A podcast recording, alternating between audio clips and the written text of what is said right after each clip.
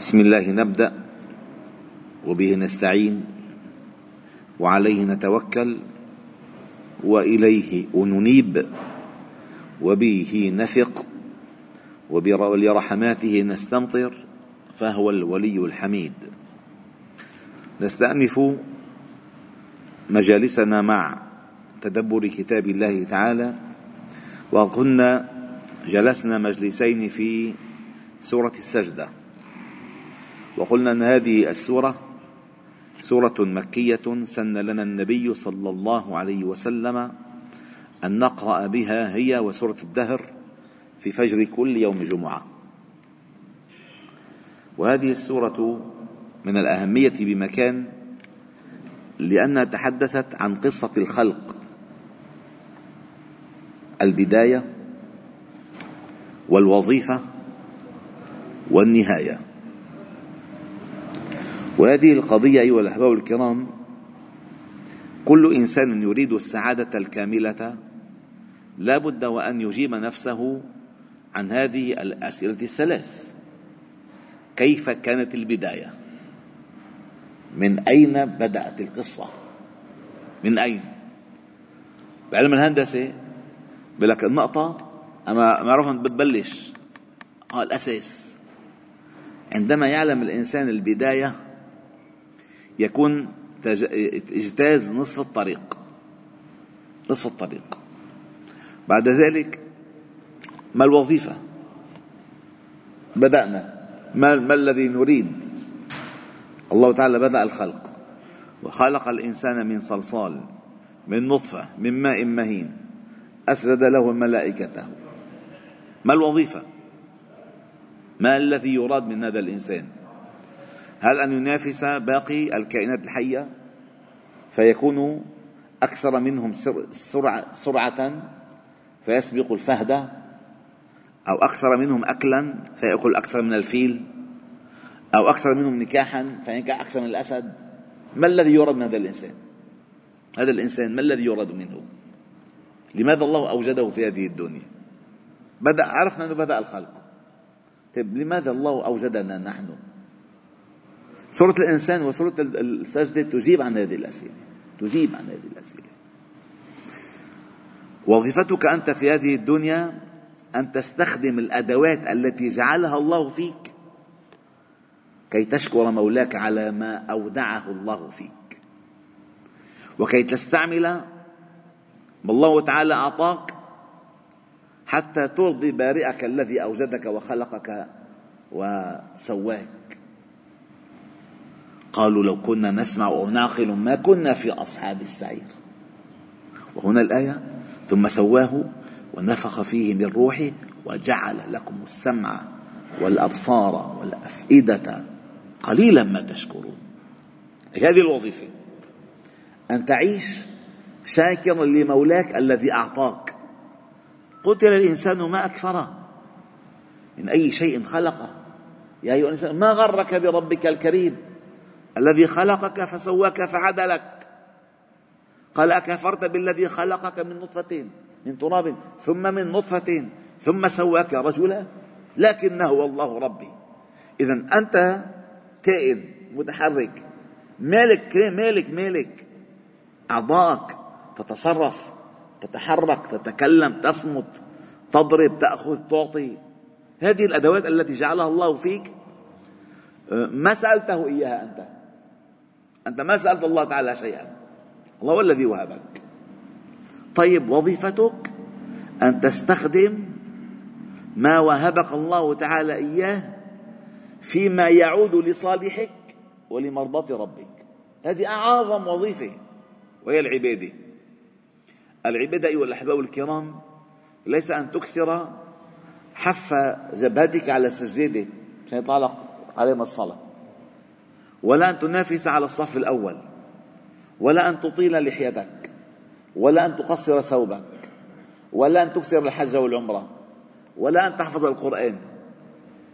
أبدا العبادة أن تحقق ما يعود ما يعود لك بالخير في الدنيا ولإرضاء مولاك في الآخرة. هذه العبادة في كل ما تريد. ولو كنت بواب بنية أو كنت مفتيا أو خليفة. نفس الوظيفة. أن تفعل الفعل الذي يعود لك بالخير ولمحيطك وأن يكون سعيك لإرضاء ربك. هذه هي العبادة. فعل الخير الذي يرضي مولاك. هذه عبادة. سواء كنت شيخا أو دكتورا أو تاجرا أو فلاحا أو مزارعا أو رئيسا أو مرؤوسا كل الوظائف التي أنت فيها في الدنيا لا تخرج وظيفتك الأساسية عن هذه المسألة. أن تعمل الخير أن تسعى لإيصال الخير وأن تريد بهذا الخير وجه مولاك. وما لأحد عنده من نعمة تجزى إلا ابتغاء وجه ربه الأعلى ولسوف يرضى. هذه أعظم وظيفة. أن تعلم أن لك خالقا. يعلم سرك وجهرك. ويعلم حركتك وسكونك. ويعلم خائنة الأعين فيك. ويعلم همس همس لسانك. وسمعك. ويعلم كل شيء فيك. أن تعلم أنك مراقب. تحت السيطرة. فتقول هذا هذا يرضيه هذا لا يرضيه هذا يقربني إليه هذا لا يقربني إليه. هذه العبادة هذه الوظيفة. لذلك ماذا قالوا؟ قالوا آه، آه، قالوا إذا ضللنا في الأرض أئنا لفي خلق جديد. أولئك الذين كفروا بربهم وأولئك بعدين بل قال بل هم بلقاء ربهم كافرون. يعني إذا أنت تفعل لتلاقي. واعلموا أنكم ملاقوه. فإذا ما تعلم أن الله يراقبك فإذا أن الله ليس بحسبانك. ماذا قال شعيب لقومه؟ قال يا قومي أراطي أعز عليكم من الله؟ واتخذتموه وراءكم ظهريا يعني آخر همكم الله يرضى عنكم. آخر همكم نفس الأمر. ثم قال قل يتوفاكم ملك الموت أي لهذه البداية نهاية ولهذه النهاية عرض ومساءلة. قل يتوفاكم ملك الموت الذي وكل بكم ثم إلى ربكم. ترجعون. لما ترجعون إلى الله ستصفون. وقال وترى المجرمين. يا لطيف يا لطيف. الموقف ورأى المجرمون النار فظنوا أنهم مواقعها ولم يجدوا عنها مصرفا هنا قال ولو ترى إذ المجرمون ناكسوا رؤوسهم عند ربهم وتراهم يعرضون عليها خاشعين من الذل ينظرون من طرف خفي. يعني كيف رحت إيه عامل عملة وفيت تحاسب؟ هيك هيك عمل هيك. ناكسوا رؤوسهم عند ربهم. ربنا شوفوا الوظيفة التي خلقوا من أجلها أقروا بتقصيرهم فيها. قالوا ربنا أبصرنا وسمعنا. فارجعنا نعمل صالحا. رجعنا لنستخدم اللي أعطيتنا صح. إنا موقنون. ولكن كلا ما في رجعة ولو ردوا لعادوا لما نهوا عنه وإنه لكاذبون. قالوا ولو ترى إذ المجرمون ناكسوا رؤوسهم عند ربهم ربنا أبصرنا وسمعنا. فارجعنا نعمل صالحا. إنا موقنون. هلا اليقين؟ اليقين عندما تؤمن بما لا ترى يقينا. ما عندما ترى ما المجرمون رأوا. رأوا النار. ورأى المجرمون النار فظنوا أنهم واقعوا هذا منه يقين؟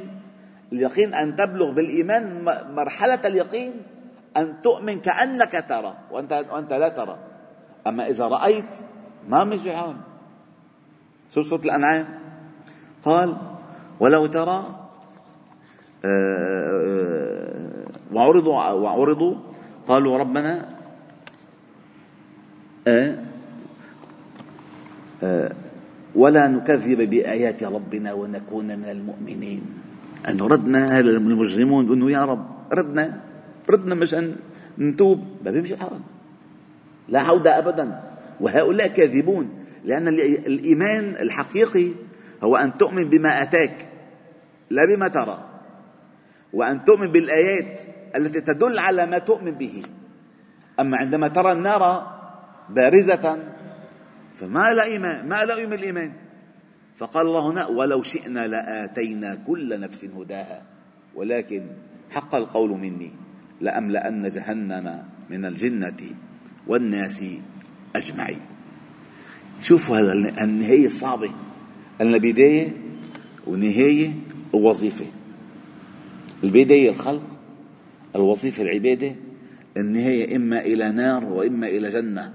فريق في الجنة وفريق في السعير. قال ولو شئنا لآتينا كل نفس هداها. أي لجعلنا الناس كلهم مؤمنين. ولكن أين التكليف؟ أين المفاصلة؟ أين المفاضلة؟ قال فذو لأملأن جهنم من الجنة والناس أجمعين. الجن معروفين. نسل ذرية آه، إبليس والإنس ذرية آدم. كل الذريتين ستمتلئان جهنم منهما. ستمتلئ جهنم منهما. على الآخر وتقول هل من مزيد؟ يا لطيف. يوم نقول لجهنم هل امتلأت وتقول هل من مزيد؟ يا لطيف يا لطيف. فقال هنا فذوقوا بما نسيتم لقاء يومكم هذا أي بما أخلفتم في أداء وظيفتكم في الدنيا لأنهم بلقاء ربهم كافرون. فأنتم تركتم فعل وظيفتكم فنسيتم لقاء يومكم هذا إنا نسيناكم وذوقوا عذاب الخلد بما كنتم تعملون. أي هذا العذاب الذي تستحقونه في الآخرة بسبب فعل بسبب فعلكم في الدنيا. أنتم فعلتم ما تستحقون به العذاب. فالله جل جلاله لا يظلم مثقال ذرة. مثقال ذرة لا يظلم. وما ربك بظلام للعبيد. يقول الله تعالى يوم القيامة لي هل ظلمك كتبت ملائكتي؟ هل ظلمك كتبتي؟ يقول لا يا رب. فتنطق جوارحه ولسانه وأقدامه بكل ما فعل. ما في أبدا. ما في ظلم. لا ظلم اليوم. ثم أتت الآية التي تميزت بها هذه السورة والتي تكرر معناها في كثير من الآيات أو كثير من السور. قال الله تعالى فيها إنما يؤمن بآياتنا الذين إذا ذكروا. وين بذكروا؟ بالدنيا. الذين إذا ذكروا بها خروا سجدا وسبحوا بحمد ربهم وهم لا يستكبرون. هذه الوظيفة. أي كلما رأيت آية تتذكر البداية والوظيفة والمآل. تتذكر رب العزة ذي الجلال والكمال والجمال. تتذكر. وإذا ذكروا بآيات ربهم لم يخروا عليها صما وعميانا قال إنما يؤمن بآياتنا الذين إذا ذكروا بها أي إذا رأوها تذكروا من خلالها. وإذا ذكروا لا يذكرون هؤلاء أصحاب النار. أما كل ما في الدنيا يذكر بالحقيقة الكبرى وهي لقاء الله تعالى. قال إنما يؤمن بآياتنا الذين إذا ذكروا بها ماذا فعلوا؟ خروا سجدا. السجود هنا حقيقي. ولكن المؤمن في هذه الدنيا من لما يعرف الله وهو لله ساجد بقلبه أي مستجيب خاضع لأمره مستجيب. هذا خاضع. قال إذا دك خروا سجدا وسبحوا أي خروا مسبحين بحمد ربهم وهم لا يستكبرون. فلا يدخل الإيمان حق الدخول على قلب المؤمن إلا إذا تخلى عن, عن الاستكبار والكبر تماما. وإنما قال الله تعالى سأصرف عن آياتي الذين يتكبرون في الأرض. فالمتكبر لن يستفيد بآيات الله. ولن يرى الآيات إلا أشياء ظواهر. ياي كسوف ياي قمر ياي شمس ياي مطر. واو غيمة. هذه آيات حبيبي. هذه ما لها سلفي. هذه لا تحط قدامك. ما تحط خلفي. قدامك الموضوع الطريق كل ما ترونه آيات وما نريهم من آية إلا هي أكبر من أختها. ويريكم آياته. فأي آيات الله تنكرون؟ يريكم آياته. كل ما ترونه من الآيات حتى تتذكروا حتى تعتبروا حتى تنتقلوا من طور إلى طور. فإذا رأيتم الآيات ذكرتم بها لا تملكون إلا السجود أي الخضوع لله تعالى مسبحين منزهين الله تعالى عن ما لا يليق فعند ذلك يثبت أنكم من عباد الله تعالى المنيبين المخبتين الأواهين الذين إذا استمعوا القول يتبعون أحسنه والحمد لله رب العالمين. نحن علينا سجدة هلا نسجد لله عز وجل والحمد لله رب العالمين. سبحانه وبحمدك نشهد أن لا إله إلا أنت نستغفر ونتوب إليك. وصلي وسلم وبارك على محمد وعلى آله وأصحابه أجمعين والحمد لله رب العالمين.